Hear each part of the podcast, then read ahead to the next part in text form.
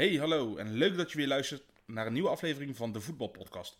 Mijn naam is Jimmy Driessen en ik zit hier natuurlijk weer met mijn grote vriend Sam Planting. Hi Jimmy. Hey Sam. Hey, we zijn een weekje er even tussenuit geweest. Je bent op vakantie geweest. Zeker. Wil je daar nog iets over kwijt of denk je van, nou, Het was daar warm. En eh, nu is het hier warm.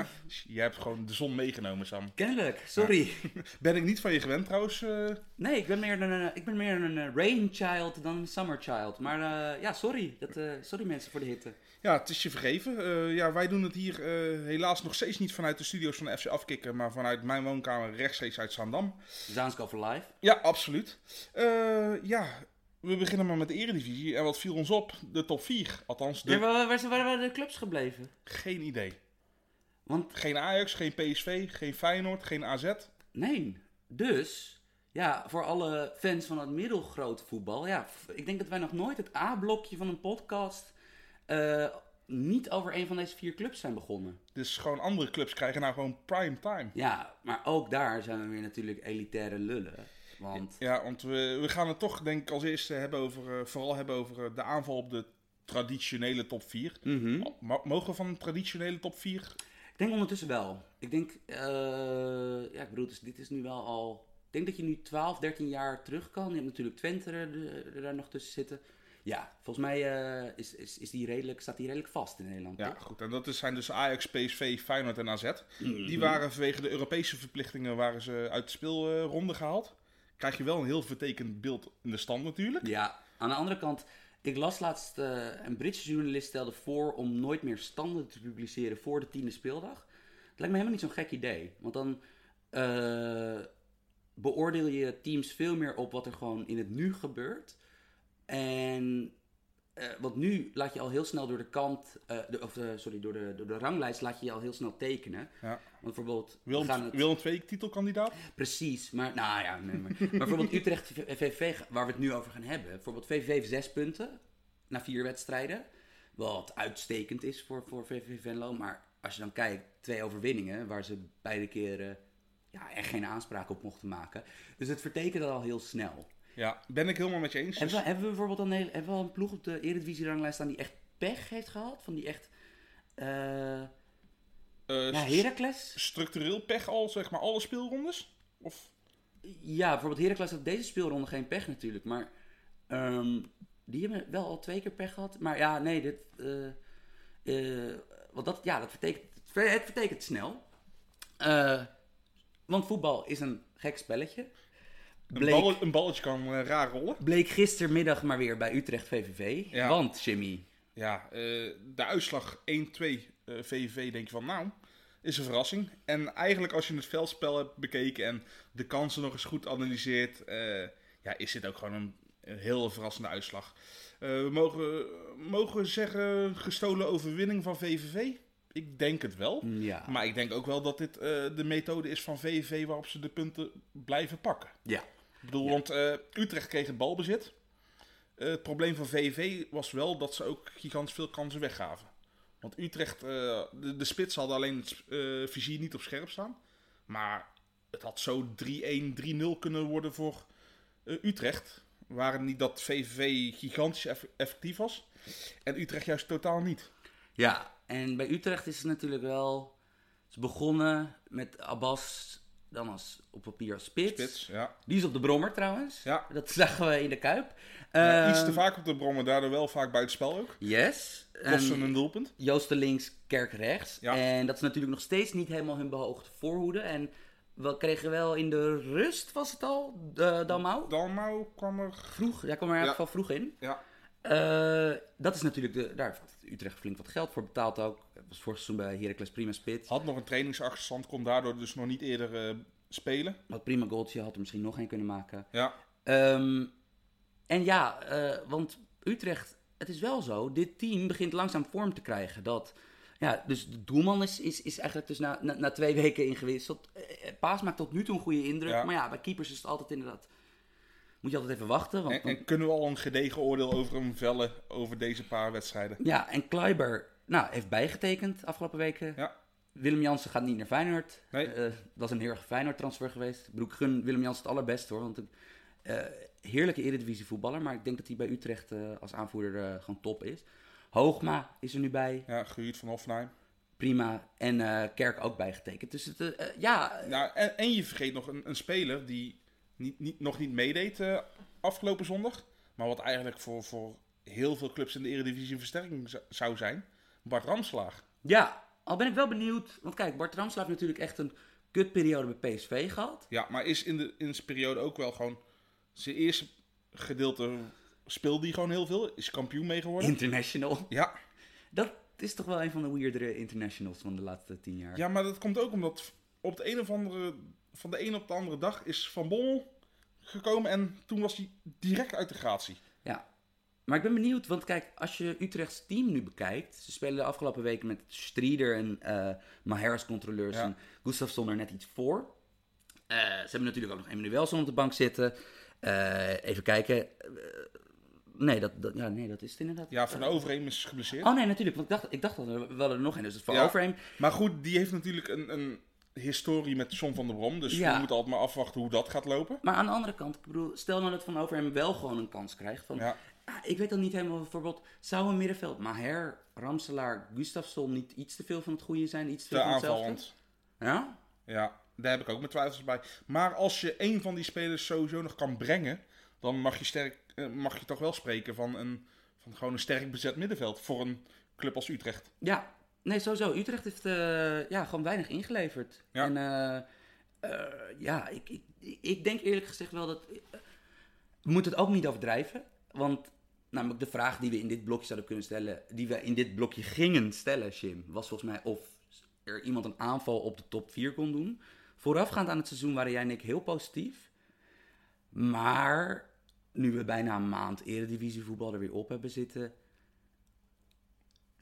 Oeh, ik weet Er, het er zijn een hoop mitsen en maren ja, nog, want, inderdaad. want het is wel zo dat. dat ehm, we gaan het ook later nog heel veel voor Feyenoord hebben. En die hebben toch wel. Ja, toch iets andere mogelijkheden nog om de, Ja. boel, om de boel te veranderen en de boel te redden. Eh, AZ ziet er solide uit. Eh, ik denk niet de, de utopie van dat AZ weer een keer wild om de titel mee gaat doen. Dat is, zal dit jaar niet zijn. Maar AZ is prima. Ja. Ehm, dus ik weet niet of Utrecht per se derde of vierde kan worden. Maar in elk geval hebben ze een solide ploeg. Ja. het is dus heel zonde wat er in Europa is gebeurd. ja, maar top 5, dat gaat sowieso wel gebeuren. Ja. Ja. En eh, laten we het ook even hebben over die andere club die een, een, een, ja, aanval op de top 4 doet. Ja. Vitesse. Ja. Ja, die hadden de vrijdagwedstrijd hadden ze tegen Heracles. Ja, ik vind dat interessant, want ik weet het nog niet bij Vitesse. Dat tot nu toe, in elke wedstrijd kan je er dingen uitplukken die oké zijn, die goed zijn. En in, maar je kan ook heel veel missen en maren. Oh, Want- ex- excuus trouwens, het was de zaterdagwedstrijd. Ik Ja. ja. haal de dagen een beetje door elkaar. En eh, ja, wat, bijvoorbeeld als je dan kijkt naar die 4-4-2 van Vitesse. Dat was dus tegen Heracles met Tanane en Grot op de flanken. Voor en Bazoer als middenvelders. Ja, Eh Lins en... eh, ook vrij aanvallend eigenlijk. Ja, dat is, eh, dat is vrij aanvallend. En al, eh, het is wel zo dat het centrale duo wat er nu staat... Ajax afdankertje Danila Duki en PSV afdankertje Armando Bis, Obispo. Ja, Ja, Obispo is nog niet helemaal een afdankertje. Die is gehuurd natuurlijk. maar hè? aan de andere kant, die had vorig jaar natuurlijk Nee, ja, ik echt wel een keer een kans kunnen krijgen. Ja. Heeft hij niet gekregen.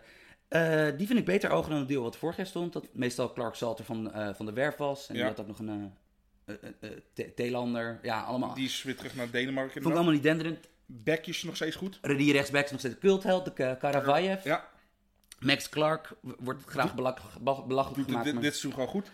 Die, dat is even, die valt positief op. Zowel aanvallend als verdedigend doet hij het goed. Ja, en eh Jim, we hebben zo meteen, ik kan het in ieder geval spoileren, we hebben zo meteen een, eh, een nieuwe rubriek eh, bij, de, bij de voetbalpodcast. We gaan een eregalerij hebben wij voortaan. En wij hebben al onze picks, hebben wij al in steen gebeiteld. Maar bij Vitesse loopt er eigenlijk iemand rond die, als de voetbalpodcast een eregalerij heeft, er eigenlijk ja, in week 1 in zou moeten eh, zitten. Ik weet waar je naartoe gaat. J. Roy Grot is een absolute unit, zoals de Engelsen dat zeggen. Holy shit. Ja, God is kast, toch? Grot is kast. Dat zien we niet meer zo vaak eh, in de Eredivisie, hè? Waar- Nee, en zeker niet op de, op de plek waar hij speelt nou ook. Nee, want hij staat op de flank. Hij is, hij is, hij is, hij is redelijk snel. Eh, hij heeft nog een leuke gimmick die, we, die, we, die ik vaker wil zien. Hij heeft een enorme ingooi. Van, ik wil eigenlijk... Het is toch dat jaartje Engeland heeft hem dit Ja, al maar dat kon- kon ik, nee, kon ik daarvoor ook al. Maar, maar eh, ja, het is, het is natuurlijk voor een aanvaller nooit echt een goalgetter geweest. Maar bij NEC eh, had hij natuurlijk wel al, zag je een beetje... Ik bedoel, ja, er is een reden dat, dat, dat Leeds hem op, ophalen daar. Ja, maar, maar zie jij hem met... Ik bedoel, hij speelt bij... Hij is van Leeds. En wie is de trainer daar bij Leeds? Bielsa. Ja, ja, nee, nee. en Dat zie was- jij een combinatie Bielsa-God? Nee, dat, eh, zeg maar, het Dat is... genuanceerde voetbal van Bielsa is God, niet... Is echt totaal de anti-held Ja. van wat Bielsa van voetballen Maar vindt. bijvoorbeeld, stel nou dat het Grot, Jado Grot, hij hoeft nog eens anders te heten. Ik denk alleen dat ze de achternaam moeilijk zouden uitvoeren. Maar stel nou dat hij, in- dat hij inderdaad in Engeland was geboren. En drie tanden miste. in drie tanden miste en bij Burnley zou spelen. Ik denk dat hij gewoon een Premier League speler zou kunnen zijn. En terwijl, denk ik dat hij ooit, als hij een vol seizoen bij Vitesse in de baas staat, 20 doelpunten gaat maken in de Nee, Eredivisie? nee, no nooit. fucking way. Ik, nou, misschien nog niet eens dubbele cijfers. Nee. Maar ja, wel, wat een legende. En Ja. hij kan echt wat. Eh, en natuurlijk, ja, bij Vitesse 2, ondertussen... Want kijk, wij zijn natuurlijk een beetje een doorgangscompetitie geworden. Dat als je echt iets kan, dan ga je weg. Ja, Of speel je bij PSV of Ajax. Eh, maar ja, Matafs en Linsen, dat zijn wel een beetje... Ja, ja, volgens mij is Linsen met zijn doelpunt nou zelfs de, de meest scorende eh, speler nog in de eredivisie qua doelpunten. Nu Ja. Luc de Jong ook vertrokken is. Zeker. Hij, was, hij staat ook in de topscorerslijst van de Eredivisie Decennium. Staat hij En volgens mij tweede achter de Jong. Vorig jaar hebben we het ook al gezegd van wie zien we nog wel eens een, een keer een transfer maken? Linsen. Maar eigenlijk is het toch hartstikke mooi dat hij weer gewoon bij Vitesse zit. Ja, het is eh, een mooie clubcarrière heeft hij gehad. Zonder dat er, dat er iets aan, van buitenland aan te pas komt. Het, het kan. Ik bedoel, het kan ook saai worden al snel. Maar ik bedoel, ja, hij, hij is altijd, hij is altijd telkens een half stapje omhoog gegaan. En altijd belangrijk geworden en altijd geliefd geweest bij elke club waar hij zat. Ja, maar steeds als ik denk van Linsen kan een stap omhoog, heeft hij weer een vormcrisis daarna. Hoe, hoe oud is hij? Ik denk dat hij 28 is of zo. Hier. Hij is 28. 28. Nou, Ja, Vertrouw je instincten. ja, sorry. Dat ik nog aan mezelf twijfel. Eh, hey, maar eh, we moeten het ook nog even over Slutski hebben. Beste social media account van de Dat- Eredivisie? Dat sowieso. Maar ik had het daar niet over. Ik had het puur over zijn tactiek nou. Ik wil, wat hij nou doet is, is totaal niet des Nederlands. Nee. Maar ook niet echt des Sloetskis. Nee, wat het grappige is, dus, halve persoonlijke anekdote, dat een van mijn beste vrienden vroeger in mijn basketbalteam was. eh, een jongen die bij Cheska heeft gespeeld, Ja. in Rusland. Cheska Moskou. Ja, bij de basketbalschool eh, tak daarvan. Het is En- een heel omni-vereniging inderdaad. Precies, Ze hebben precies. alles. En eh, weet jij dat? Cheska was, is dat het leger of de politie? Een van, een van de twee. Dynamo is de ander. Leger. Ja. En eh, daar was Sloetski toen ter tijd altijd de trainer. En dat is in Rusland, terwijl meestal zou je dus denken van... eh, ja, ik bedoel, zeker als je ziet hoe charismatisch deze man is. En snap je, een gevoel voor humor. Hij is absoluut niet op zijn achterhoofd gevallen. eh, houdt heel erg van voetbal. Maar hij was daar niet heel erg geliefd bij Ceska. En ook, de- het kritiekpunt was vooral dat het voetbal heel erg saai was. Ja. Want het was nog redelijk succesvol. Ja, hij heeft natuurlijk ook heel erg gebruik gemaakt van, van in ieder geval de, de, de vier Russische verdedigers achterin. eh, als je Akinfeev meerekent. De gebroeders Berezutski en Ignashevich. Ja. Die, die hebben daar tot, allemaal tot hun veertigste gezeten. Waren ook allemaal spelers van het Russisch team. Dus die vier moet je sowieso opstellen. Ja, nee, nee, nee. En Misschien verklaart dat ook inderdaad wel.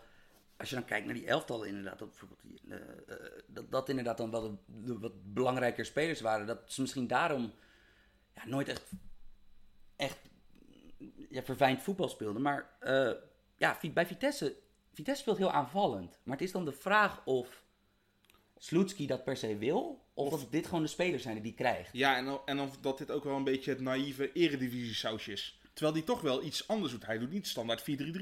Nee, en ook, en ook, maar vooral ook de middenveldbezetting van een beetje het traditionele van een conservatieveling of een, of een, of een breker echt eh, eh, op, als meest verdedigende, dan een pendelaar en dan één iemand met techniek. Van ook die verdeling is er niet echt. Want bijvoorbeeld, ja, Bero Ja, eh stelt hij soms als... S- Serrero toen hij nog bij Zeker. Vitesse speelde. En, en nu met Bazoer heeft hij eigenlijk weer een type Bero van... ja, toch, toch iemand die ook aanvallend en in de duels voor een technische middenvelder best wel wat brengt voor Vitesse. Ehm, Goeie aankoop vind je dat, bezoek van Vitesse? ja, prima. Ja, terwijl ik Ik had er een beetje mijn twijfels over. Ik vond hem bij Utrecht niet super denderend vorig seizoen, maar Nee, komt natuurlijk wel halverwege het seizoen binnen. Precies. Natuurlijk. eh, enorme teleurstelling is, achter. is bij Wolfsburg niet gewenst. Is bij FC Porto niet gewenst. Dus ja, er was een beetje zijn laatste kans. En dan zit de druk erop natuurlijk. Ook al is het zijn geboortestad. Ja. Maar ja, eh, wel prima spelers. Maar ja, het lullige is wel weer dat net als bij Utrecht. Ik zie nou niet echt een scenario waar alles de juiste kant op valt. En dat Vitesse dan derde kan worden. Nee. En dat vind ik wel een beetje jammer in de Eredivisie. Dat, dat, dat ehm, de onderlinge kloven tussen de top en de subtop en de middenmoot zijn gewoon best wel groot. Ja.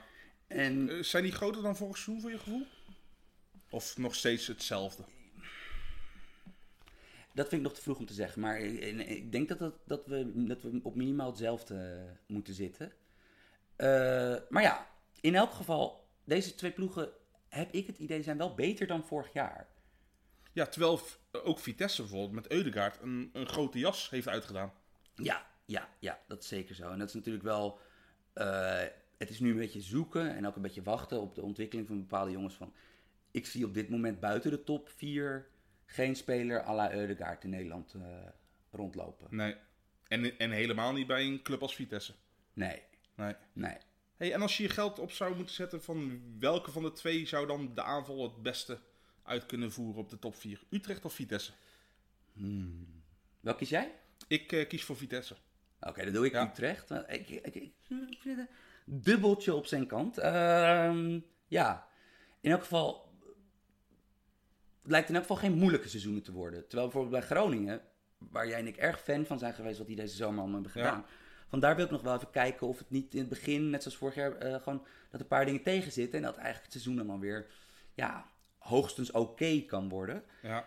Eh, dat, dat er weer echt zo'n ploeg met twee gezichten is. Ja, en dat bijvoorbeeld Heracles heeft ook een paar keer echt al pech gehad met, met, met, met, met, met, met hoe die wedstrijden verliepen. En, ehm, Ja, want ook tegen, tegen PSV verliezen ze wel, maar het was niet zo kansloos als de 2-0 deed vermoeden. nee, nee, zeker niet. Ik bedoel alleen al die kans van Dessers. En, eh, Ja, ja. Ah, ik bedoel, kijk, eh, Dessers scoorde... De, was dit zijn eerste dit seizoen? dat denk ik wel, ja. Met sl slimmigheidje. Slimmigheidje. Ik bedoel, eh, Slimme spitsen goal. Ik bedoel, ik vond het geen overduidelijke, echte overtreding. Ik bedoel, hij stond tegen Doekie of tegen Obispo. Dat, dat zijn- beren. Mhm. Dan ga je niet van een handje op je schouder ga je niet liggen. Nee.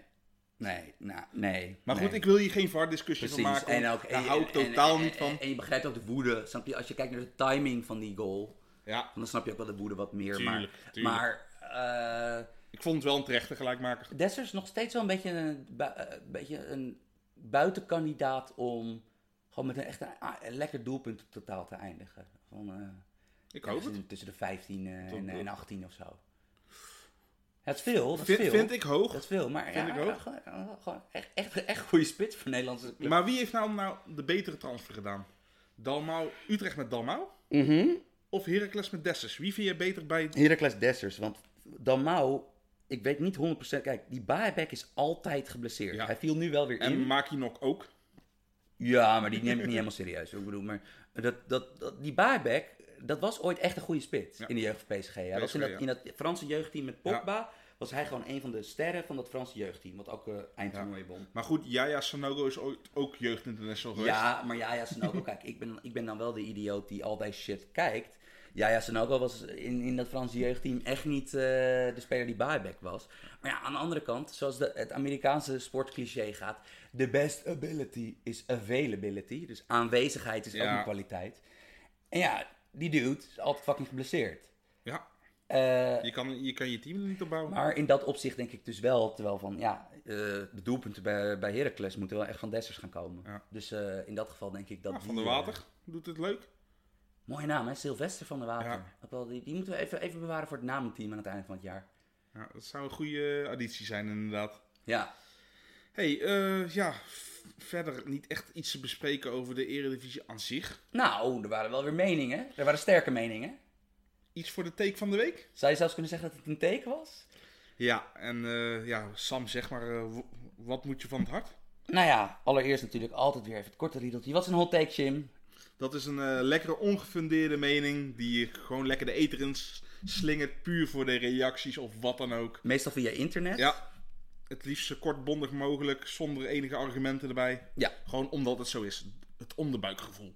Ja, en nou, de hot take, de heetste mening van deze week hoorde ik eh, de, de chef sport NOS eh gisteren zeggen. Arno Vermeulen. Ja, want die, het was nog ineens één mening, maar het was een heel relaas Bij welk programma was dat? studio voetbal. Maar de Ras van Marien, eh, nou, die, die, die moeten we eh, met het bonnetje mee terugsturen naar Luik, eh, schijnt. Oké. Nu zal ik zeker niet zeggen dat Mariens eerste zeven wedstrijden bij Ajax goed zijn verlopen. Er veel geld voor hem betaald. Hij heeft het moeilijk. 12 miljoen of zo? 15 miljoen? Ja, in elk geval boven de 10. Ja. En dat, is, dat is dus voor Nederlands begrippen extreem veel geld. En eh, ja, veel kritiek. Ook al eh, onder de Ajax-fans ook al wat zorgen van oei, eh, komt dit wel goed? Ja. Veel risicovol balverlies. Eerste eredivisiewedstrijd is twee keer eigenlijk zijn bijsluiten bij de verdediger leveren, leveren goals Texel. treffers op, ja. Maar dit was allemaal, ik bedoel, ja, dat- hij het totaal niet heeft en dat soort teksten die we allemaal gisteren hoorden.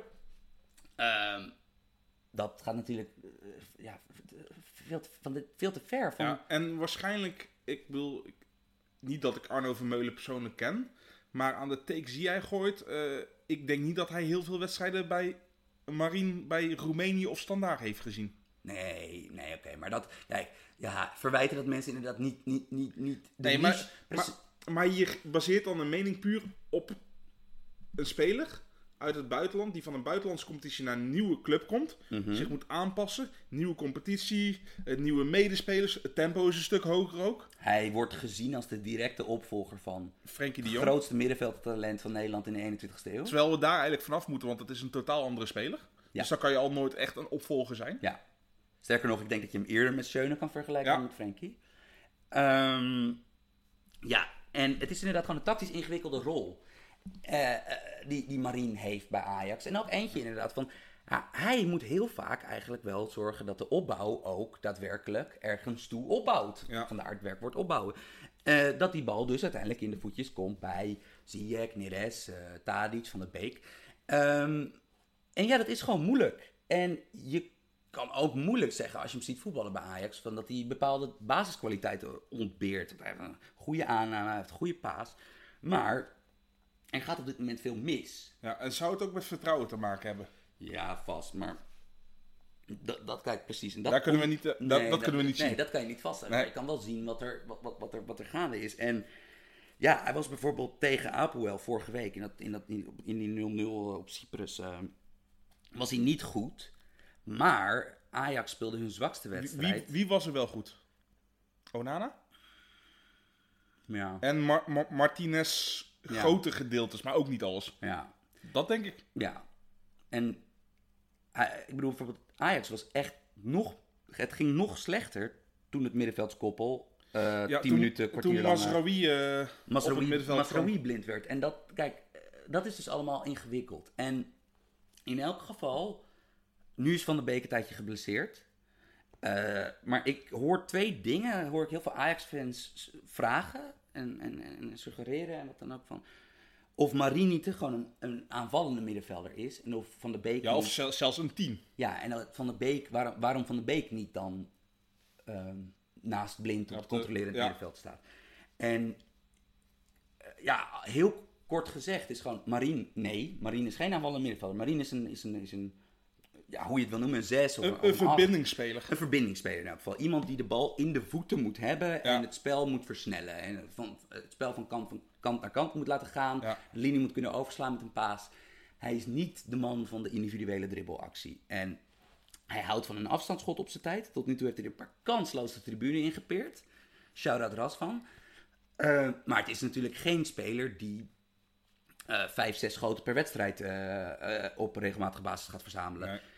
Van de Beek daarentegen. Van de Beek is natuurlijk ooit doorgebroken bij Ajax als allrounder. En hij heeft altijd in dezelfde jeugdteams met Nouri gespeeld. Nouri was natuurlijk technisch een krankzinnig talent. Waardoor Van de Beek al heel snel een beetje de functionele van de twee leek. Terwijl Van de Beek is technisch ook een heel goede voetballer. Ja, maar het is maar net waar je mee vergelijkt, wat je referentiekader Precies. is natuurlijk. Maar Van de Beek is natuurlijk wel onder Ten Hag in een heel andere rol uitgegroeid tot superster. Hij- hij- Komt, komt ook natuurlijk omdat eh Ten Hag de switch heeft gemaakt van punt naar achteren naar punt naar voren. Ja, en want Van der Beek is een ster geworden onder Ten Hag. Gewoon eigenlijk als aanvaller in wezen. Van, als je kijkt naar wat zijn rol is op de helft van de tegenstander. Van, hij, hij komt met die, met, met die sprintjes achter de verdediging, is hij gevaarlijk. Hij zoekt de ruimtes altijd een beetje, snap je, tussen die andere drie aanvallers op. Eh, kan zeg maar een aanval openbreken in het laatste gedeelte van het veld door een goede aanname. Maar dat zijn allemaal dingen die zeg maar, hij is, een, hij is gewoon eigenlijk echt een aanvaller geworden. En hij is ook iemand die bij extreem veel goals betrokken is. Ja. Als aangever of als maker, maar ook, maar ook met de beslissende Ja, loopactie. En niet, niet alleen eh, bij goals betrokken, maar sowieso bij kansen betrokken. Precies. En hij is gewoon, hij is Want veel hij die- mist ook nog wel eens. Ja, want Ten Hag wil natuurlijk altijd het liefst minimaal vier aanspeelopties in de 16 bij, bij aanvallen. Zeker bij lage voorzetten en wat dan ook. En Van der Beek is zo belangrijk in die rol. En zo goed in die rol, dat ik ook denk van ja, ook al zou die een verdienstig controleur zijn, zou die prima zijn daar. Het is gewoon zo zonde om dat weg te halen uit die voorste linies. Want als je dan kijkt naar alle andere aanvallers die Ajax onder contract heeft staan. Je hebt zeg maar niemand die deze rol Die, ze willen eigenlijk allemaal aan de bal komen voor de Precies, rest. want het is natuurlijk... Van de Beek is een ster, dat kan je niet ontkennen. Maar het is wel gewoon een, ja, een beetje een dienende ster, een nederige ster. En, eh, of in elk geval, kijk, ik ken zijn persoonlijkheid niet, maar in elk geval zijn rol in dat team is dat. En dat zou ik dus heel erg zonde vinden als dat de oplossing is. Net zoals dat ik... Snap je, dan kan je mensen horen zeggen van... Ja, waarom ga je dan weer niet terug naar 4-3-3 met de punt naar achter? Maar ja, dat schuift dan weer verderop op het veld dingen op die nu werken. Ja, nou kan je Ziyech als, eh, echt als, op de vleugel als een, als een spelmaker laten fungeren. Ja, Dat gaat dan gaat dat minder goed ja, dat wordt dan weer moeilijker. En het is dan, dan inderdaad ook de vraag van, nou ja, als je dus twee middenvelders hebt die mee naar voren komen. Inderdaad, van A, van hoe doen we dan dat binnenkant-buitenkant spelletje met eh Masraoui en Ziyech op de flank. Aan de andere kant is bijvoorbeeld van, je wil Neres ook niet tegen de zijlijn aangeduwd krijgen als buitenspeler. Ehm, of Promes, wie er dan ook speelt. En dat zijn, dus allemaal, dat zijn dus allemaal van die tactische vraagstukken die best wel ingewikkeld zijn. Maar ik denk in elk geval dat de oplossing vooralsnog heel simpel is. Namelijk, laat hem nog een tijdje staan. Marien. Geef, geef het tijd, ja. Geef het nog heel even tijd. Ik bedoel, natuurlijk, het is, het is wel zo van als Ajax aspireert een echte Europese subtopclub te zijn, dan kan je inderdaad niet een speler die gewoon niet mee kan, die kan je niet zeg maar een, een half seizoen blijven opstellen. Nee, ergens moet een grens komen, alleen het is nu... Ja, Het is nog, we zitten nog steeds in augustus. precies. Spelers moeten niet af... Nieuwe spelers moeten sowieso eigenlijk geen enkele spelers, maar nieuwe spelers bij een club moeten in augustus nog niet afgeschreven Ja, en het grappige is dat een paar spelers zijn niet zo heel erg goed aan dit seizoen begonnen bij Ajax. En dat valt niet zo op, omdat het dus... Het gaat veel over de nieuwelingen. En je hebt natuurlijk... Iedereen heeft altijd de mening over Ziyech. Iedereen heeft altijd de mening over Tadic. Terwijl bijvoorbeeld... Mij valt het op dat Masraoui... Die eh, eh, de Afrika Cup heeft gespeeld. Ja. Maar vooral Nicola Tagliafico... Die eh, ja, toen aan de Copa America heeft gespeeld. Van, die ja, die, die spelen tot nu toe wat minder dan vorig seizoen. Ja. En bijvoorbeeld bij Masraoui kan je... ja, ik ben dol op hem als speler. Ik vind het een slimme speler. Hij heeft goede techniek. Maar hij heeft ook heel veel dingen niet, niet. En ik ben heel erg benieuwd of hij, laten we zeggen op speeldag 30... eh, of wanneer Ajax de achtste finale Champions League haalt... of de kwartfinale Europa League of wat dan ook van... of hij dan nog basisspeler is. Zal hij niet gewoon een soort eh, prima twaalfde, dertiende man gaan worden? Een noodverband op zowel middenveld als rechtsback, maar niet meer de eerste optie. Ja, en dat is nog steeds- Ajax betere... Dat is nog steeds super als je ziet waar hij vandaan komt. Maar toch, als je aan het einde van vorig seizoen zag Ja. hoe belangrijk hij was geworden, had je. eh, en ik bedoel, het is helemaal geen verwijt voor Masraoui, want die is, snap je, dat is een jongen die, geweest die altijd een beetje onder de radar heeft gevlogen in de jeugd. En nou ja, toch op zijn manier een geweldige bijdrage heeft geleverd aan het, aan het topseizoen vorig jaar. Maar ja, ik zie inderdaad wel heel veel routes, heel veel, heel veel scenario's vormen waar hij uiteindelijk gepasseerd wordt. Eh, en dat kan bijvoorbeeld Best zijn, die nou, toch een paar echt, echt een paar heel goede indrukken heeft achtergelaten, maar bijvoorbeeld ook tegen Apoel liet zien een back van 19 te zijn. Ja. Met de risico's en eh, minpunten die daarbij komen. En ja, zometeen Alvarez komt in dat team waarschijnlijk. En je kan ook niet zeggen dat Veldman nooit meer mag spelen. Ja. Van hij was niet al te gelukkig op Cyprus, maar dat is gewoon ook een belangrijke speler. Dat, dat is wel het geluk wat Tagliafico bijvoorbeeld heeft. Nou heeft hij natuurlijk, ik denk ook wel wat meer krediet. Want Die heeft Zeker. zich al, al meer bewezen natuurlijk. Zeker. Alleen er zijn ook minder eh, spelers die hem kunnen vervangen. Ja, want namelijk In ieder geval van niveau. ja, Blind wordt nooit meer uit de as gehaald. Van Nee. Blind zal of middenvelder of verdediger zijn. En eh, eh, Martinez lijkt me ook sterk dat je... Ik bedoel, Martinez is, is echt prima begonnen Ja. aan zijn Ajax-carrière daarachterin. Dus ja, dan kom je al heel snel uit als con- concurrent bij Kik Piri. Ja. Die helemaal geen linksback is. Nee, dus dat is allemaal wel heel interessant. En, eh, of, of Dest, een, rechts, een rechtspoot. ja. En dat is dus wel interessant om te zien dat sommige spelers kennelijk zoveel meer krediet hebben dan anderen. En natuurlijk, dat is helemaal begrijpelijk. Maar we moeten dus ook niet doorslaan in eh één nieuweling de schuld geven van problemen die misschien helemaal niet zijn problemen zijn. precies. En daar zijn we op, op dit moment wel heel erg goed in, in, eh, Ja. in de Nederlandse media. maar de nuance is zeker van, ik bedoel, de, de, de mensen die veel kritiek hebben, die hebben heus een punt hoor. Van, eh, Ja, hij speelt ook gewoon niet Hij goed. speelt niet goed. En eh, de, de, het middenveldspuzzel is nog niet gevonden. En het zou handig zijn als Ajax die over twee... Wij, we nemen dit op maandagochtend, maandagmiddag op. Het zou handig zijn als Ajax die op woensdag... Woensdag wel gelegd heeft. ja, het is ja. handig als een Nederlandse club Champions League speelt. Hey, en, over een andere club die goed, tot nu toe goed in Europa doet, Feyenoord. Ja, Hebben, we hebben, vroeger hadden we Sams transferblokje. ja. Nou, dat eigenlijk. ging ik altijd op de, op de goksites ging ik altijd kijken Ja. waar de beweging was. Op welke transfers er geldstromen gaande waren. En dan konden we eigenlijk altijd een beetje best wel cheaten. Want we- we- we- wij bespraken daardoor altijd transfers die, hoe gek ze ook in onze oren klonken, eh, vrij vaak relevant bleken. Eh, van dat, ze, dat ze doorgingen, of in elk geval dat er echt sprake van was.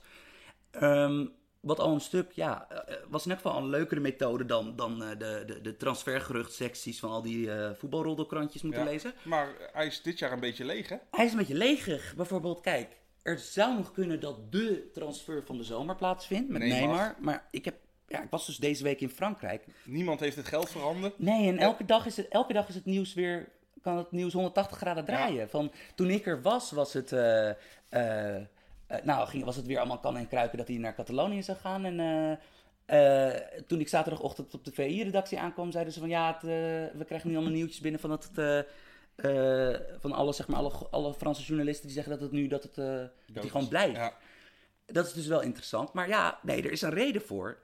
Transfermarkt, die gaat niet heel erg actief meer zijn in de laatste zeven dagen. de, Want de grote big spender, de Premier League is dicht natuurlijk. ja, en die Premier League trainers, ja, begrijpelijk vanuit hun egoïstische standpunt, die klagen daar steen en been over.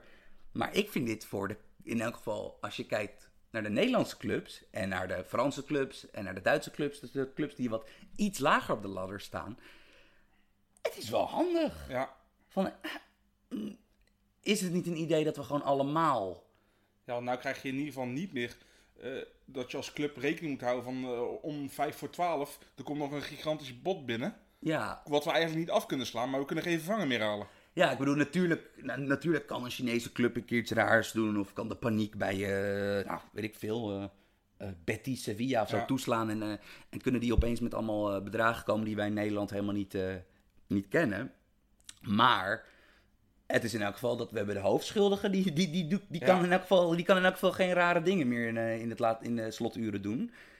En ja, ik vind dat eigenlijk wel winst. En het grappige was dat wij bespraken de podcast vanochtend een beetje voor.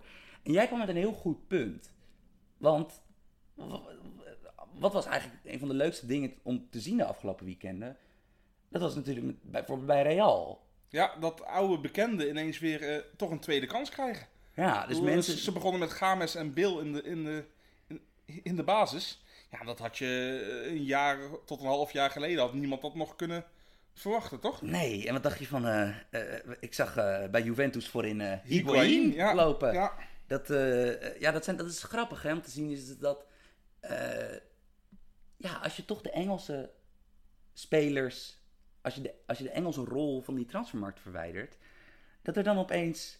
Ja, wat, wat, wat toch iets meer normaal eh, gedrag weer ze, terugkomt. ze gaan werken met de selectie die ze hebben. Ja, En dat vind ik eh, best wel gezond eigenlijk. Ja, aan de andere kant, het blijft voetbal. Ja. En we, de kans zit er heel dik in dat er dit jaar meer wordt uitgegeven dan vorig jaar. Maar dat is volgend jaar waarschijnlijk weer precies hetzelfde. Precies. Totdat die bubbel ooit een keer gaat barsten. En het is ook zo dat we zijn één Neymar-transfer verwijderd van een voorhoede van Barcelona, Griezmann, Ja. Messi, Neymar, Suarez. Dus Ja. de excessen zijn absoluut niet verdwenen. Nee.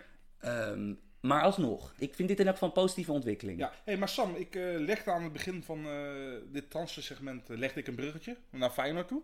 Ja, Dus oh gaan ja. we natuurlijk wel een Feyenoord transfer bespreken, anders Ja. snappen de luisteraars er ook niks van. Zeker, want eh, het lijkt er dus op. Kijk, we weten nog niet helemaal hoeveel er betaald gaat worden. En het moet eerst rondkomen. Maar Feyenoord is druk bezig met de, de linksbenige centrale verdediger Marcos Senesi. Ja, Argentijnse speler van eh, San Lorenzo. San Lorenzo, ja. ploeg die vorig jaar veel moeite had in Argentinië, eh, na, na vier speelronden nu bovenaan staat. Ehm, ben ook voor mijn werk, heb, heb ik hem bekeken, ben ik ook een stuk over aan het schrijven. Maar eh, wat ik vooral heel interessant vind, is dat Feyenoord, het, lijkt, het heeft er alle schijn voor dat Feyenoord misschien wel de duurste transfer in de clubgeschiedenis gaat doen. Ja, want volgens mij is dat op dit moment nog eh Lazovic. Ja, we hadden het er in de auto over. Ik, het zou kunnen, Lazovic zou kunnen, Perez Ja. zou kunnen. Ja, ik, ik denk Lazovic nog steeds, ja. En, ehm, maar ja, dat, dat zit dus ergens in de 7 miljoen, miljoen range of zo. Dan, dan Ja. heb je het over de grootste transfer die Feyenoord ooit heeft gedaan. Merk je trouwens ook dat Feyenoord dus altijd wel ook een ander speelveld betreedt dan eh, Ja. PSV en Ajax. Maar dat zie je ook als je de selecties bekijkt. Zeker. Maar ja, ik hoorde alweer heel veel dingen voorbij komen die, over Senesi. Over mensen die hem gingen duiden. En toen ik zelf eh, een aantal wedstrijden van hem ging kijken, dat ik dacht van... Oké, ik, eh, de- Is- ook, ook deze voetbalzomer heeft de bullshitters er nog niet... eh, Maar Sam, wat de mens wil weten, vooral de Feyenoord supporter, is het een Marajan of een Martinez? Oh, jezus, jezus. Nou, er zit nog een wereld van verschil tussen die twee. Kijk, linkspoten uit Argentinië. En beide relatief jong. Dus dan ga je al snel van... De Martinez-link was snel gemaakt. Maar ik vind ze totaal niet op elkaar lijken. Ze hebben dezelfde nationaliteit en Ja. dezelfde poot. Dat bijvoorbeeld... Martinez is... Ja, op papier staat er een andere lengte. Maar die is max 1,74 meter of zoiets. 73 Het is gewoon inderdaad. piepklein. Hij is een back in Ja. wezen. Eh, terwijl Senesi gewoon normaal lang is voor een... eh, Ergens in de 1,80. Ja, en ook eh, over zijn kwaliteiten, dat, dat- dat- snap je, van, ga- lees vooral dat stuk wanneer het eraan komt, wanneer het rond is. Maar ehm, Nederlands, uiteraard, eh, Nederlandse clubs zullen nooit geïnteresseerd zijn in een verdediger die niks met een bal kan. Van, hij, kan eh, hij, kan hij kan zeker een, een middenvelder inspelen en, en een bal rustig aannemen. Ehm, aan de andere kant, het is een prima verdediger, maar ik zat zelf bijvoorbeeld meer te denken vanochtend, Weber. Van Weber is bijvoorbeeld wel langer dan deze jongen, maar ik denk dat je ongeveer, als je dat als verwachtingspatroon neemt, dat je zowel negatief of positief niet jezelf al te veel in de zij kan nemen als Feyenoord-speler, of eh, Feyenoord-fan. En ook, want ja, ze hebben nu al, eh, Edgar IE heeft natuurlijk zijn debuut gemaakt. Portugese clubhopper. Ja. En Geleden van Trabzonspor? Ja, ik weet het eigenlijk Ja, want die is transfervrij vertrokken inderdaad, volgens Ja. mij uit Frankrijk. Komt uit de jeugd van Barça in elk geval, Ja. weet ik. Maar eh, als ik heel eerlijk ben, een, een duo IE-Senesi, dat, dat, dat is Beter dan Botteguin van de Heide van Beek? zeker. Dat is het zeker. Maar aan de andere kant, het is natuurlijk ook flauw, want dat is een lage horde om, Ja, nee. om, om te nemen. Maar ik vind het in elk geval wel ergens op lijken. En ehm, in dat opzicht vind ik wel fijn dat, dat dit een positieve ontwikkeling is. Dat het in elk geval, het is geen super groot risico wat ze met deze jongen nemen. En, en dat vind ik al winst. Ik zit me nou even af te vragen. Is Steven Berghuis niet gewoon de duurste transfer? Van Feyenoord uiteindelijk. Oh, dat zou heel goed kunnen. En dat zou ik, wel, dat zou ik ook wel mooi vinden als dat zo blijft. Want hij is natuurlijk wel zo belangrijk voor die ploeg. Maar ja, in elk geval eh, interessant. Nee, dat is zeker een interessante transfer. Eh, eigenlijk over eh, interessante transfers gesproken. In het buitenland is heel veel eh, consternatie over geweest. Toen Matthijs Licht uiteindelijk vertrok. Toen Frenkie de Jong voor een miljoenenbedrag vertrok. Wat ons heeft genoopt tot, tot een nieuw rubriekje. Van ja, hoe doen de, de pijlers van het Nederlands elftal het in het buitenland. En dan gaan we ons licht niet alleen... Licht, snap je hem? Ja, Nee, gaan we het niet alleen hebben over eh Matthijs Licht, Frenkie de Jong, maar ook over de, eigenlijk, eh, de andere pijlers. eh Virgil van Dijk, Jorginho Wijnaldum en Memphis Depay. Dat zijn eigenlijk een beetje de, de gezichten van ons oranje, toch? ja de vijf die, sowieso, die sowieso De nieuw Big Five. ja, die sowieso zullen spelen in elk geval. En Ja. Een belangrijke rol zullen hebben. Ja, maar ja, voor twee van de vijf is het niet zo goed begonnen natuurlijk, hè? Ja, voor de Ajax-jongens is... eh, ja, Frenkie de Jong... Ze, die voorbereiding was fantastisch. Ja. Van, hij maakte echt een geweldige indruk. Heeft, ook gewoon een heeft wel gewoon een Ja. basisplaats. Ik bedoel, daar moeten we wel gewoon... eh, Ja, liep in de openingsspeelronde bij Bilbao in een, in een tactische fuik. Dat Ja. eh, die, die Bilbao-trainer had een heel goed verdedigend plan bedacht. ja, en Barcelona geen Messi. Barcelona geen Messi, Barcelona geen Suarez. Nee. Barcelona in die eerste wedstrijd ook geen Busquets. Die speelde in de tweede wedstrijd wel. Ja, en dat kwam niet ten goede van Frenkie de Jong. Nee, want het middenveld bestond dus uit Busquets in zijn rol op 6. Dus waar Frenkie tot nu toe het beste speelde in de voorbereiding bij Barça. Eh Sergi Roberto was, speelde re- rechtshalf en Frenkie de Jong speelde linkshalf. Ja, En in een rol die we hem nog nooit bij Ajax eigenlijk hadden zien spelen. ja, want Frenkie de Jong is een middenvelder, moet de bal hebben en is in het midden gevaarlijk. Ja. En, wat gebeurde er nou juist niet? Hij kreeg de bal niet. En hij werd niet gevaarlijk. Nee, en hij kreeg ook dus... iedereen, iedereen merkte op dat hij heel veel de bal aan de flank kreeg. En op zich, bij Ajax zakte hij heel vaak links uit naast de centrale verdediger. Ja, om uiteindelijk naar het midden te komen. Precies, maar hier was het niet zo dat... Hij kwam niet zeg maar, zich melden naast de opbouw. Dat hoeft helemaal niet. Want Piqué, Langley, Busquets, die doen dit Ja. al jaren. Van, dat, dat, maak je geen zorgen. Maar ja, en eh, ook achteraf had Opta statistiekje dat eh Frenkie de Jong de speler met de minste balcontacten was in deze wedstrijd tegen Beti- Betis. Veldspelen denken, neem ik aan. Ja, ja, ja, ja. ja. En eh, bij Barça. En eh nou, Barça 5-2 gewonnen.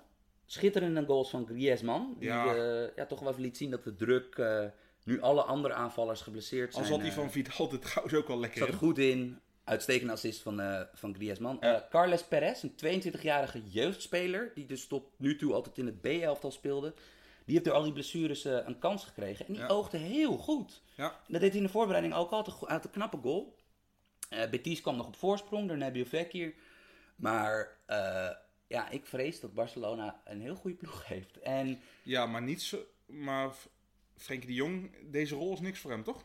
nee, maar ja, we moeten even kijken wat er gebeurt als iedereen er is. Ja. Het is in elk geval wel frappant dat Rakitic weer op de bank zat. En dit keer zelfs nog ineens mocht invallen. Nee, Arthur zat op de bank. Die heeft natuurlijk wel Copa America gespeeld dit, dit, eh, deze zomer. Maar ja, dit is, dit is, er moet heel veel wat geschoven worden door Valverde. En ik vind Valverde nou, wat betreft aanvalspel, nooit echt een heel erg leuke schuiver. nee. Dus ja, Staat, staat hier volgens mij ook bij de fans van Barcelona al bekend dat het eh, niet een gedurfd iemand is. maar maak jij je al zorgen? Want ik nog niet. Eh, op de zorgenmeter van 1 tot en met 10 ga ik voor een tweetje. Oké, prima. Een tweetje. Ja, dit is natuurlijk niet ideaal. Nee. Maar hij speelt. En hij heeft superveel talent. En meestal Ja. is dat wel... Als je fucking veel talent hebt in het voetbal, is het meestal wel handig. Dat komt meestal wel goed. Over een eh, andere... Nou, iemand die toch wel in de categorie fucking veel talent valt. Maar ja, dat niet mocht demonstreren. Matthijs de Licht. Ja, en eh, de kennis in Italië had het wel verwacht. Maar Matthijs de Ligt zelf niet, hè? Dat hij op de bank zou beginnen. Ja, ik weet het allemaal niet wat hij wat, wat hij dan is. Ik bedoel, je moet toch wat... Je moet Ja. van ellende wat zeggen in zo'n... eh. Al die camera's voor je snuffers. En, eh, ehm, kijk, Juventus... Hoogstwaarschijnlijk kampioen in Italië. Grote kans. Hoogstwaarschijnlijk bij de laatste acht in de Champions League. Grote kans. Hoogstwaarschijnlijk in de bekerfinale. Dan zitten we. Dat, dat vind ik nog het minst waarschijnlijk zelfs Oké, maar dan zitten we alweer op. Nou, 55 wedstrijden. Wat Ja. oplopend naar de 60. Ehm, dat is, dit is de reden waarom topteams niet één basiself hebben. Dat, dat er dus altijd ja, een paar posities zijn waarom getwist kan worden. En eh, gezien het feit dat Juventus de belangrijkste wedstrijd uit de heenronde in de Serie A volgende week speelt, vind ik het niet zo vreemd dat Matthijs de Ligt, ondanks het feit dat hij bijna een recordbedrag heeft moeten kosten, ondanks het feit dat hij een superster was bij, is bij, eh, bij Ajax, eh, is bij Oranje, was bij Ajax, dat gewoon ze beginnen met Bonucci, Chiellini. Omdat ze spelen volgende week tegen Napoli. Ja, dat is toch best wel logisch. Ja. En ik denk eerlijk gezegd dat zowel Bonucci, zowel Chiellini, zowel De Ligt aan hun 40 wedstrijden dit seizoen komen. Dus dit gaan we gewoon meemaken. Het was gewoon, ja, het was kut voor de Nederlandse media die natuurlijk eh, eh, ruimte, middelen en mensen hadden ingezet om dat, om dat debuut van eh, De Ligt groots aan te pakken. Maar ja, dit, dit is de realiteit in de top. Dat is een heel saai antwoord, maar Je, je komt gelijke tegen.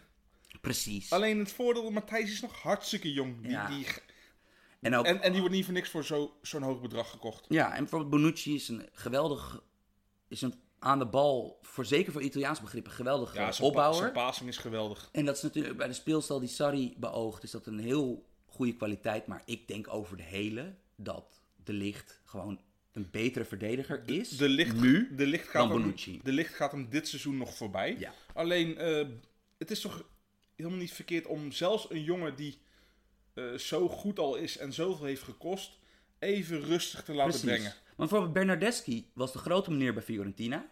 Werd voor veel geld naar Juve gehaald. En viel elke keer prima in. Dat je denkt van, goh, kan voetballen. Maar die heeft echt nog zijn strepen moeten verdienen daar intern. Voordat hij eigenlijk afgelopen seizoen pas een basisspeler werd. En Bernardeschi is 22 of zo. Dat is geen, niet Matthijs de Licht, Nee. Eh, zijn leeftijdscategorie. En eh, woont al in het. En is Italiaan, dus kent het cultuur al, kent Ja. de taal al. Over wie maak je je meer zorgen? De Licht of de Jong? Over beide niet eigenlijk. Maar als ik dan toch moet kiezen, dan toch de jong. Eens. Ja. Gaan we nu naar de goed nieuws show? Ja, Want Memphis Depay is eindelijk verlost van zijn voormalig trainer Bruno Genesio. Ja. Die eh, ook al aan het roer stond toen Ajax, eh, het Ajax van Bos eh, zo over ze heen vaagde in die halve finale. Ja, ik ben natuurlijk, voor mijn werk kijk ik naar voetbaltactiek. Ik vind Genesio vond ik verschrikkelijk bij Lyon. Want Lyon heeft een geweldige collectie voetbaltalenten altijd. ja. En hij liet me ze toch altijd een partijtje aankloten daar. Eh Silvinho, linksback bij Barcelona in het tijdperk van eh Rijkaard. Nieuwe technische directeur. Nee, dat is de trainer. Tra- trainer trouwens. En Juninho, de vrije trappengod, is de TD. TD. Ze hebben ja, iets gewaagds gedaan. Ze hebben toch eigenlijk het gezicht van de club dus verkocht. Nebo Fekir. Ja, en ook hun grootste talent ook nog. Mm, nou ja, ze hebben, Ja, Aouar heb ja, je, ze maar... hebben 80 miljoen En Dombele? Ja, ze hebben 80 miljoen gekregen van Spurs voor en Dombele. Maar aan de andere kant, kijk. Lyon, Lyon is sowieso wel talentfabriek. ja, en die Fak- Fekir die mocht weg. Omdat Houssem Aouar, eh, rug nummer 8 bij Lyon, als je hem in de Champions League ziet, gaat zien spelen dit seizoen. Dat is het grootste talent ter wereld op de teampositie. En daarnaast werd aan Fekki's eh, fitheid altijd nog steeds getwijfeld. Precies. En, nou ja, en Dombele, die hebben ze voor heel veel geld verkocht. Ze hebben de uitblinker van nummer 2 van vorig jaar, Lille, Thiago Mendes, ja, hebben ze gekocht. Braziliaan.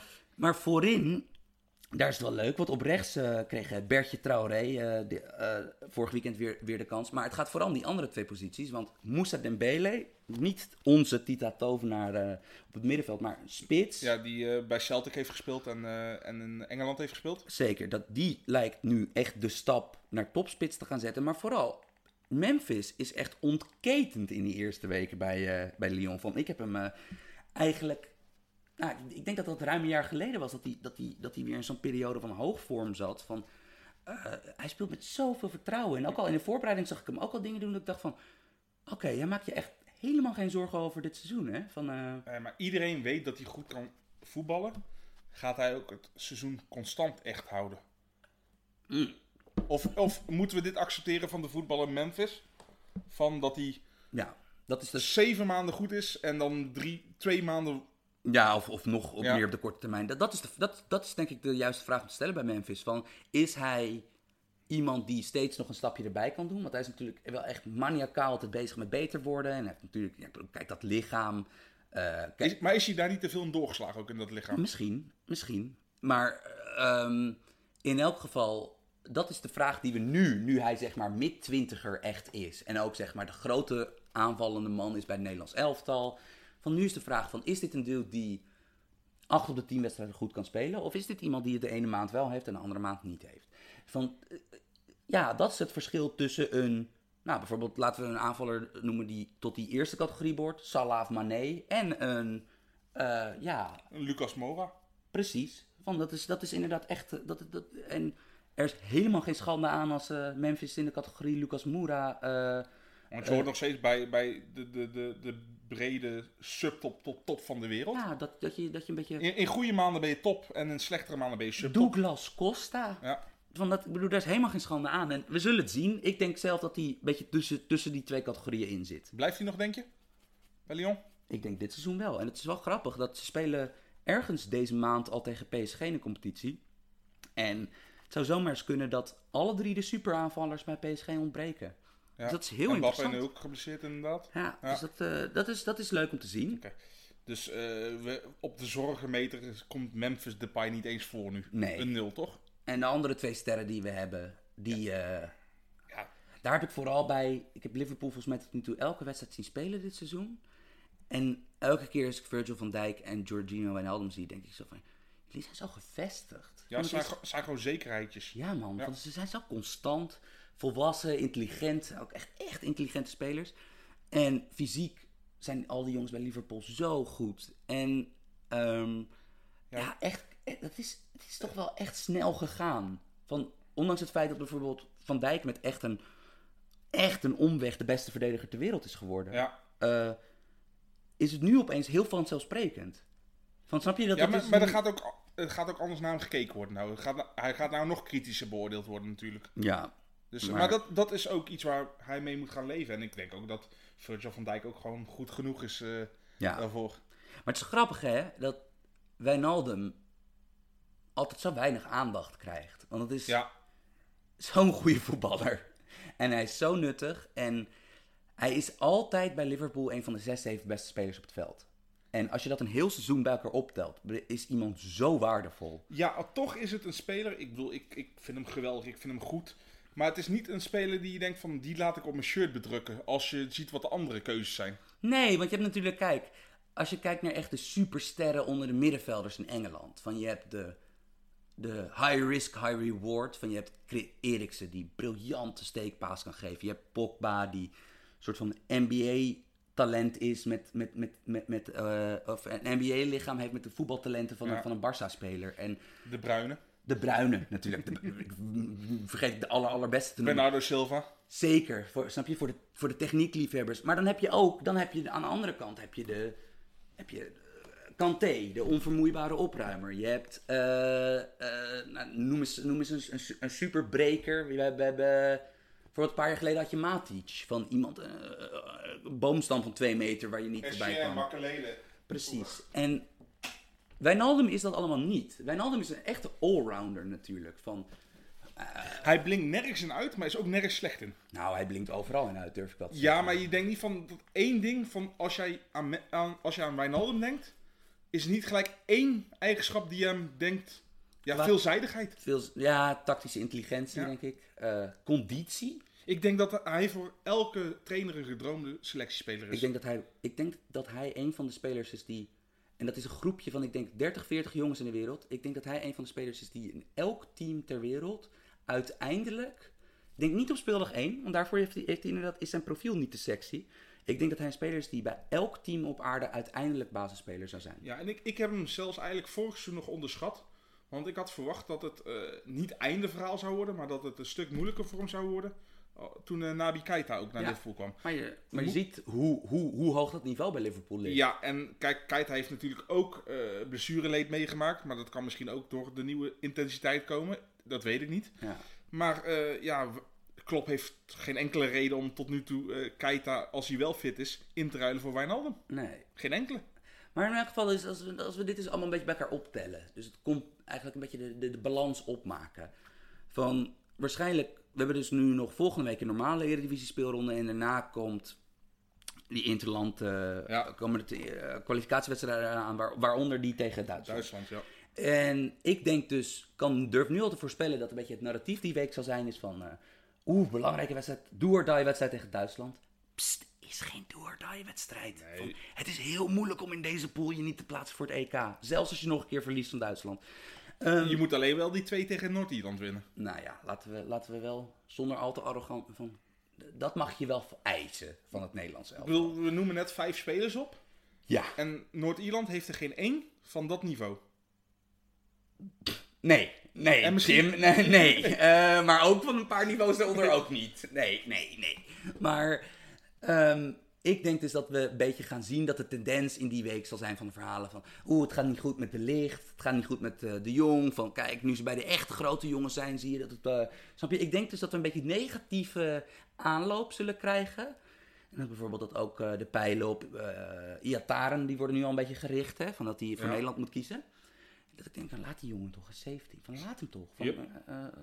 toch? Hij hoeft ook nog helemaal niet te kiezen. Nee. En in elk geval, als je dit zo allemaal in oogschouw neemt, van niemand van deze jongens is al op zijn piekleeftijd.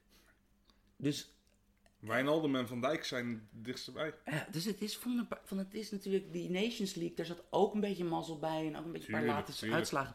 Maar het Nederlands elftal, ik vind dit echt een heel solide generatie hoor. Ja, maar van- eh, eh, wat ook scheelt, dit is je as. ja, precies. Bedoel, als, als nou je linksback en je rechtsback alleen je beste spelers waren, dan had je nog een probleem. Zeker. Al zijn die posities wel steeds belangrijker geworden natuurlijk. Maar we Maar, gaan het- dit is gewoon je as. We gaan het natuurlijk volgende week uitgebreider hebben over Oranje. Maar in elk geval, ik, ik vind in elk geval nu, eh, er- zeker bij Liverpool. terwijl Ik ben niet zo van het, nation- van het chauvinisme. Maar bij Liverpool de afgelopen week bekroop me wel een gevoel van trots. Omdat ik deze jongens al een heel hun leven zie spelen. Ja. Ik denk van, godverdomme even, dat hebben jullie toch mee. Want dit is heel erg knap als je er even bij stilstaat. Ja, En ik ben nog steeds van mening, ik heb er zelf ook aan meegedaan, maar Wijnaldum krijgt veel te weinig erkenning. Ja, Ja, ja, ja. Maar gelukkig binnen Liverpool is hij... eh, ja onomstreden. ja. Absoluut. hey, we gaan weer naar onze vaste rubriek eh, met onze sponsor eh, VI. VI-artikel van de week. Ja, we houden het kort, want Ja. we willen ook nog wat andere dingen doen, zometeen in de laatste 10 minuutjes. Het VI Pro-artikel van de week dit keer gaat over eh, eh, Red Bull Leipzig. Oh, Nee, dat mag je niet zeggen. Razenbal. nou, weet je wat? Red Bull Leipzig. We- wij doen gewoon badass Red Bull Leipzig. En ja? nou ja, de modernste topclub, ja, is, is dan... to- Hey, ho even Sam, wie heeft het artikel geschreven? Dat wilde we eerst weten. Ja, dat ben ik. Er was helaas geen ander iemand met pro-dienst Oké, eh, de afgelopen dagen. Jammer, maar we, we nemen het mee. Jazeker. Ehm volgende week hebben we trouwens, heb, eh, ik heb nu al uitgepland dat we volgende week een, art- een artikel doen wat niet van mij is. Kijk, Maar daar eh, ehm, zitten de luisteraars op te wachten. wat kan de luisteraar doen? De luisteraar kan naar www.vi.nl slash de voetbalpodcast. Nogmaals, www.vi.nl slash de voetbalpodcast. En dan kan jij dit artikel over, ik heb gekeken naar eh, Leipzig in de eerste weken onder Nagelsman. Want Ja. de jongste topclub Met de in jongste Europa trainer. heeft de jongste toptrainer nu. En dat is Ja. gewoon eigenlijk per definitie wel interessant. Voor de tactieknerds zit er heel veel bij. Ehm, als je naar die link gaat, naar onze, naar onze gesponsorde link, dan kan je dit artikel, wat normaal gesproken achter de betaalmuren zit van VI Pro, kan je gratis lezen. Ja. En als jij dan denkt van, nou shit, van, dit soort Bevalt me. artikelen beval, bevallen me. Ehm, dan kan je voor de eerste maand voor 1 euro lid worden. Ja, en daarna wordt het de gebruikelijke 5 euro per maand. Yes. En dat kan je via het linkje onderin het artikel staat een... eh, Yes. staat een Spreekt, spreekt allemaal eh, Ja. s- goed vormgegeven. Ehm enige wat ik daarover wil zeggen, dat, dat, dat, verhaal, we hebben het vast een keer nog wel over Leipzig, wat daar gebeurt.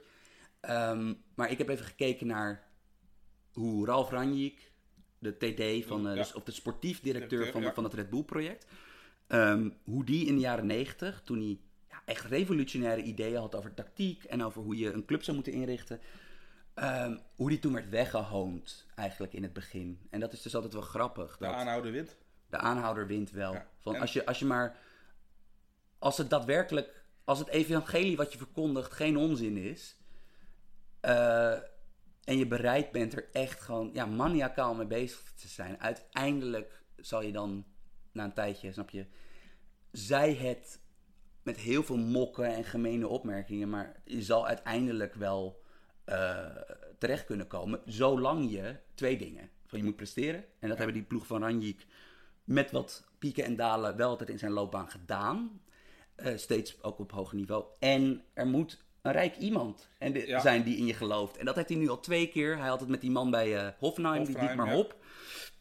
Die is de baas van SAP, het grootste softwarebedrijf ter wereld. Hoffenheim is verder een klein plaatje waar niks te doen is. Ja, en later kreeg hij de portemonnee van Dieter Mat- Mateschitz. Dat is de baas van Red Bull. Ja. En dat helpt natuurlijk wel heel erg mee. Als jij een punt te bewijzen hebt en het anders wil doen, is dat er natuurlijk iemand met geld daarachter zit. Geld maakt gemakkelijk. Ja, en het is dus wel grappig dat nu, ja, dat het echt een soort van, dat iedereen ook wel een beetje bang is voor Leipzig. Nu ook die Nagelsman er komt en Ja. al die jongens wat ouder worden, al die jonge jongens. En, en het is grappig, want eerst was Hoffenheim altijd de meest gehate ploeg. Ja. En nou is het nieuwe speeltje Red Bull eh of Razenbalsportverein Ja. eh, Leipzig. De haat is wel harder tegen Leipzig, want er zit natuurlijk Tuurlijk. ook een, een West- West-Oost eh, element Ja, eh, dat ook in. inderdaad. En, en, en het is een club die eigenlijk... eh, Red Bull heeft gewoon een club overgekocht, een licentie. En dat is met Hoffenheim ook niet gebeurd natuurlijk. Ja, Dus dat is ook anders. Maar wat ik wel mooi vind aan eh, Red Bull eh, Concerns... Ik bedoel, je kan over modern voetbal voor of tegen zijn. Heel veel argumenten. Maar ik vind niet dat zij noodloos met geld aan het smijten zijn. Zeker Er niet. zit een visie achter. Eh, je weet gelijk een blauwdruk van een ploeg van eh, Red Bull hoe ze spelen. Ja. En hoe een scoutingsbeleid is. Ja. Want er zitten echt verdomd weinig misses tussen. Kijk, elke club heeft misses. En Mhm. op een hoger niveau heb je vaker grote misses. Want die worden vaker uitbelicht in ieder geval. Die, dus die blijven langer hangen. Maar als er één concern is, op in ieder geval Salzburg en Leipzig, is dat zij gewoon gigantisch goed in bepaalde gebieden scouten. Eh, In lagere divisies, in, in landen die niet, waarbij je niet denkt van daar zit het talent, weet zij het toch allemaal ja, Ja. te vinden. En En ze staan gewoon zo extreem open voor nieuwe kennis. Ja. En daar boeken ze zoveel winst. ja, zij zijn totaal niet conservatief. Nee, en ook, ze hebben ook duidelijk, ze zien het als een marathon, geen sprint. En Ja. het is dus eh, eh, van hoop op een instorting van dit project ehm, gaat niet gebeuren. Sterker nog, wil je mijn, wil je mijn hot take voor. Want we zijn tamelijk zakelijk vandaag. Veel open deuren hebben we ingetrapt. Ja. Heel, heel vriendelijk zijn we gebleven. Mijn hot take is dat er binnenkort dat er een eh, Red Bull project in Engeland komt.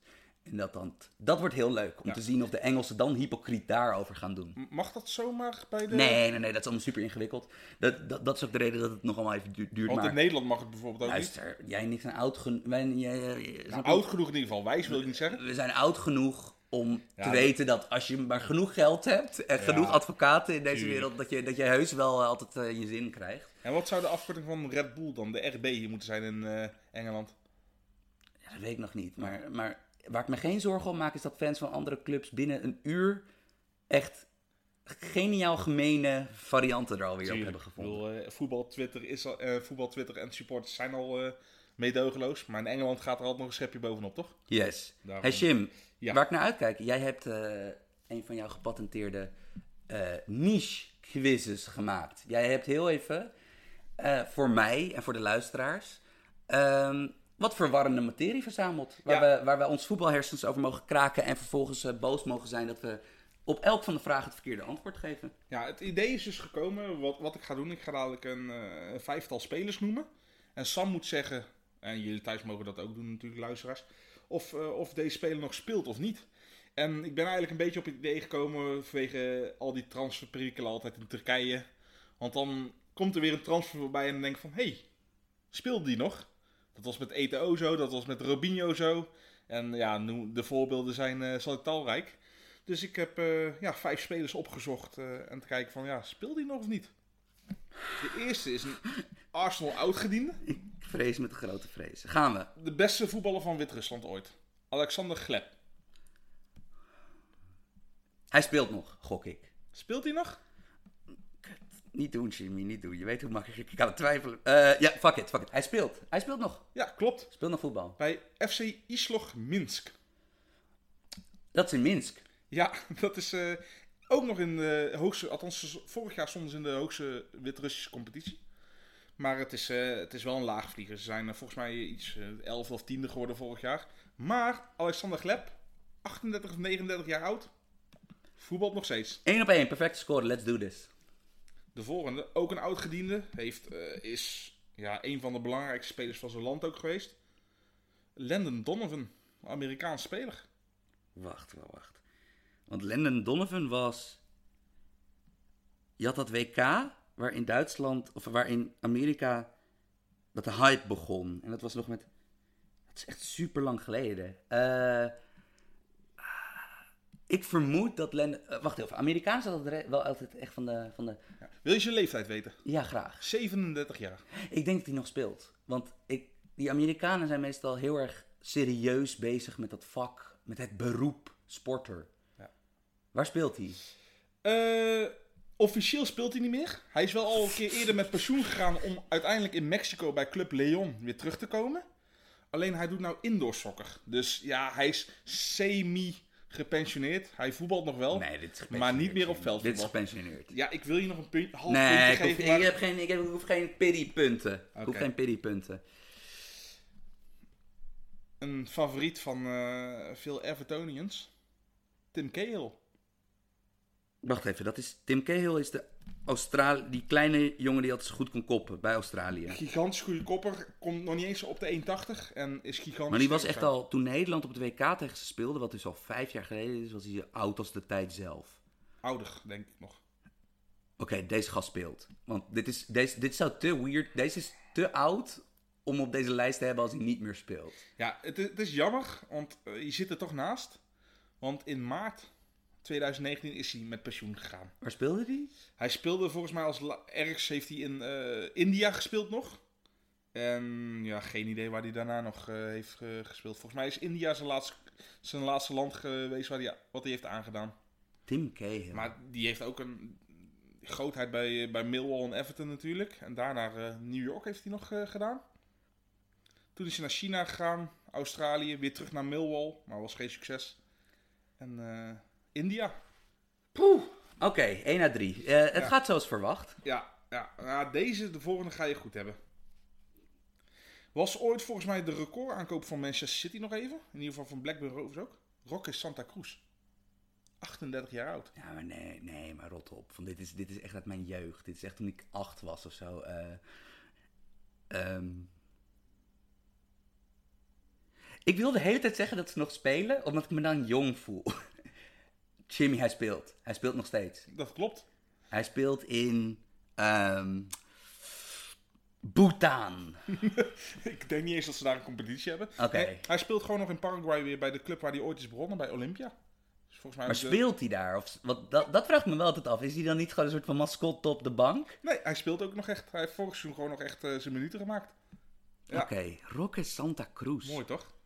Mooi man. Hey, maar we gaan nog, nog een veel oudere pakken. Ja, want ik, ik kan nog een voldoende krijgen. Hè? Als ik deze goed Ja. heb, heb ik, heb ik een voldoende. Eh, weet je nog in dat goede team van Bayer Leverkusen, wat eh, ook de Champions League finale... Zé Roberto. Nee, Lucio. Holy shit. Oké, Lucio. Dus Lucio, de meest Duitse verdediger aller tijden die Braziliaan Ja. was. Ehm, 105 interlands voor Brazilië gespeeld. 41 jaar inderdaad. Ik denk dat hij is gestopt. Want hij heeft nog, toen hij zeg maar heel oud was, was Ja. hij ooit wisselspeler bij Juve onder Conte. En hij scheen zo shit te zijn op trainingen dat hij zelfs nog ineens zeg maar. In Italië krijg je meestal wel nog een paar legacy starts, toch? Zo van. Je bent een eh, grote meneer Een geweest. oeuvre. Ja, en bijvoorbeeld Lucio Champions League gewonnen met Inter. Ehm, en hij was daar kennelijk zo shit dat hij daar al niet meer mocht spelen. Aan de andere kant, hij kan natuurlijk in Brazilië tot je vijftigste door. Maar ik breek nu met de trend, hij speelt niet meer. Helaas, hij speelt nog wel. In de Serie D weliswaar in Brazilië. Ja, maar dan kunnen jij en ik ook spelen. Hij speelt nog bij Braziliense. En jongens, luisteraars, dit moeten jullie sowieso even opzoeken op internet. Braziliense heeft sowieso een van de tofste logo's ooit. Een of andere eh, comic krokodil met een, eh, die een duim omhoog steekt. Ook dat een pik liet zien. Sam, deze, is ook gewoon, deze show is geschikt voor mensen ook onder de 18. nee, wel, ja, maar die, die wordt je hard van. Oh ja, dat is waar.